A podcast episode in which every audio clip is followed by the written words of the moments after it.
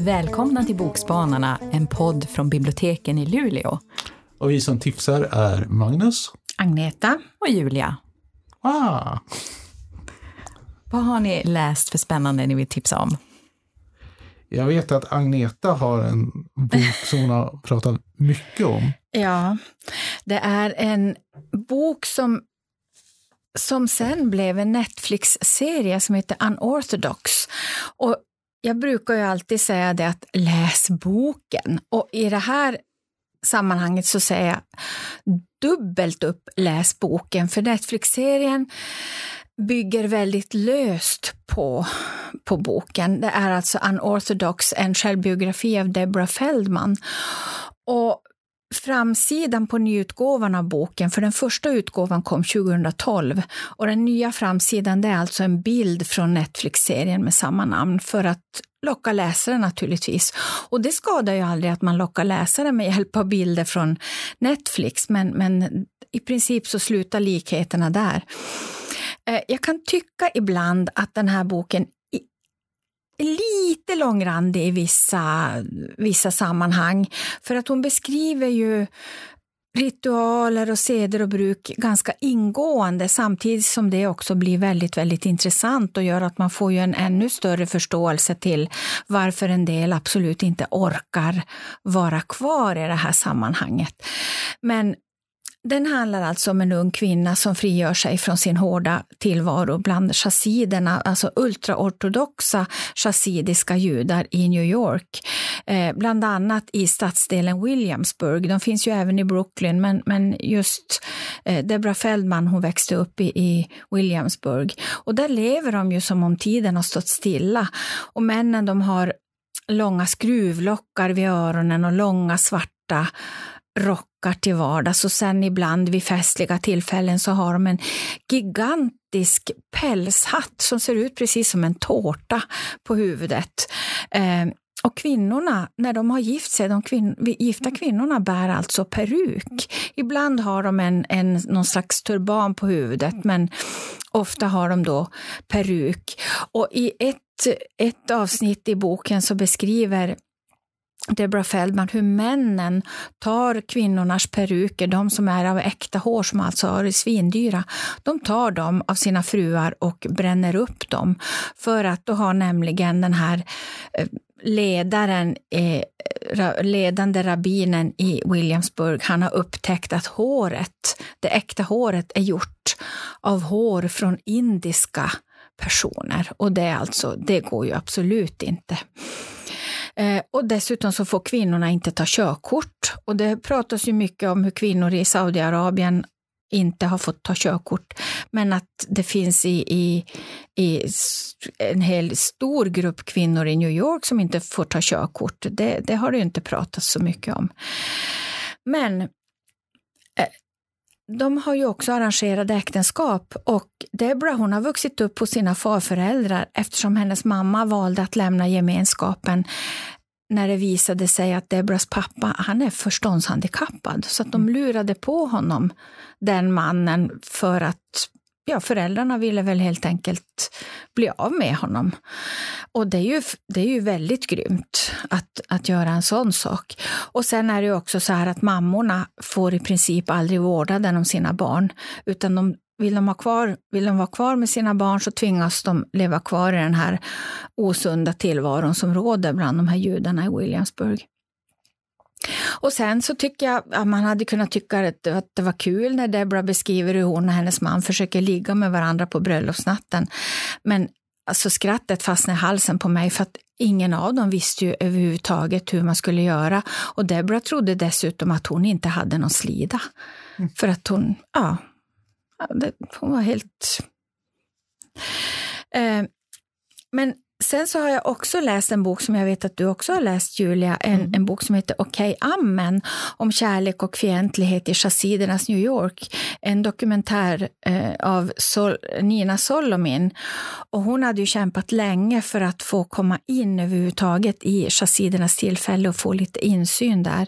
Så att jag tycker absolut att man kan läsa den också som en, en komplettering. Jag tyckte hon beskrev väldigt bra Mm. Henne, alltså vad hon fick för insyn Ja. och vad det sa henne. Jo, och det, det hon skriver om förekommer ju också i Unorthodox av Deborah Feldman. Så läs boken. Och sen kan du väl se Netflix-serien. Den, den, den, berör, den har ju vissa beröringspunkter naturligtvis, det har den, men ja, läs boken. Ja.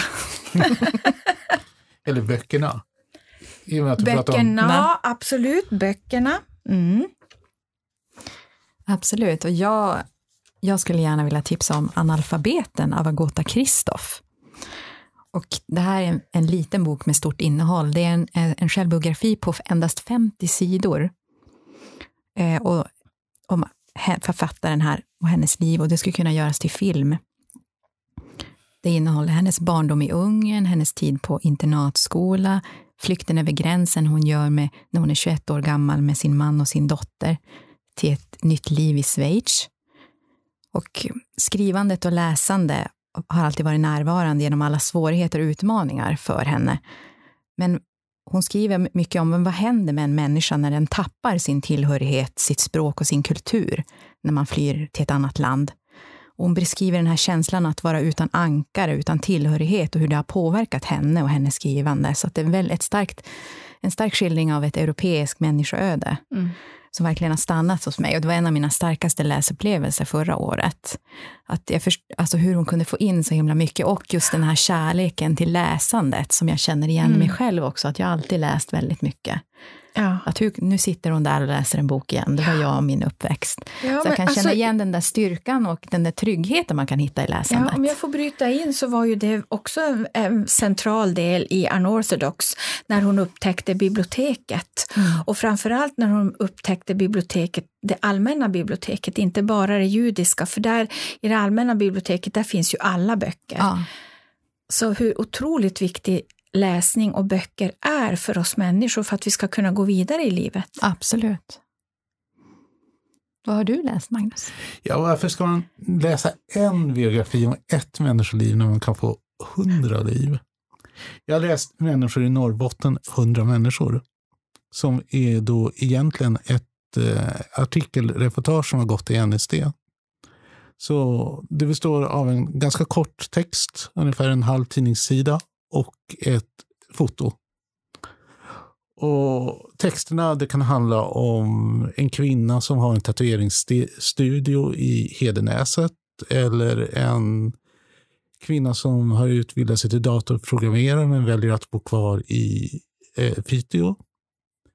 Det är alltså spritt över hela Norrbotten, det är alla åldrar. Det finns åtminstone två process, eh, porträtt av transgendermänniskor alltså som har valt att stanna kvar därför att deras hembygd ger dem en trygghet. Mm. Det är någon som säger liksom att eh, i Gällivare är jag känd som transvestit, i Hacka så är jag Matti.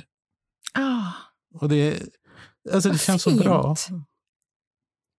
Och eh, även om det här nu är skrivet av olika eh, eh, reportrar och liksom det är olika fotografer så vill det ändå en helhet. Och en del av texterna berör mig inte speciellt mycket. Alltså de som springer maraton, det kan jag känna lite sådär. Hej då! Men det är ungefär som när jag var liten och fick tag i min mormors knapplåda. Och så häller man Ah. ut den sådär över hela bordet. Och så ser man alla de här olika sakerna som på något sådär märkligt sätt reflekterar varandra och bildar en helhet. Även om jag inte riktigt kan sätta tummen på vad den helheten är. men vilken fantastiskt fin liknelse, hörru. Mm. Wow.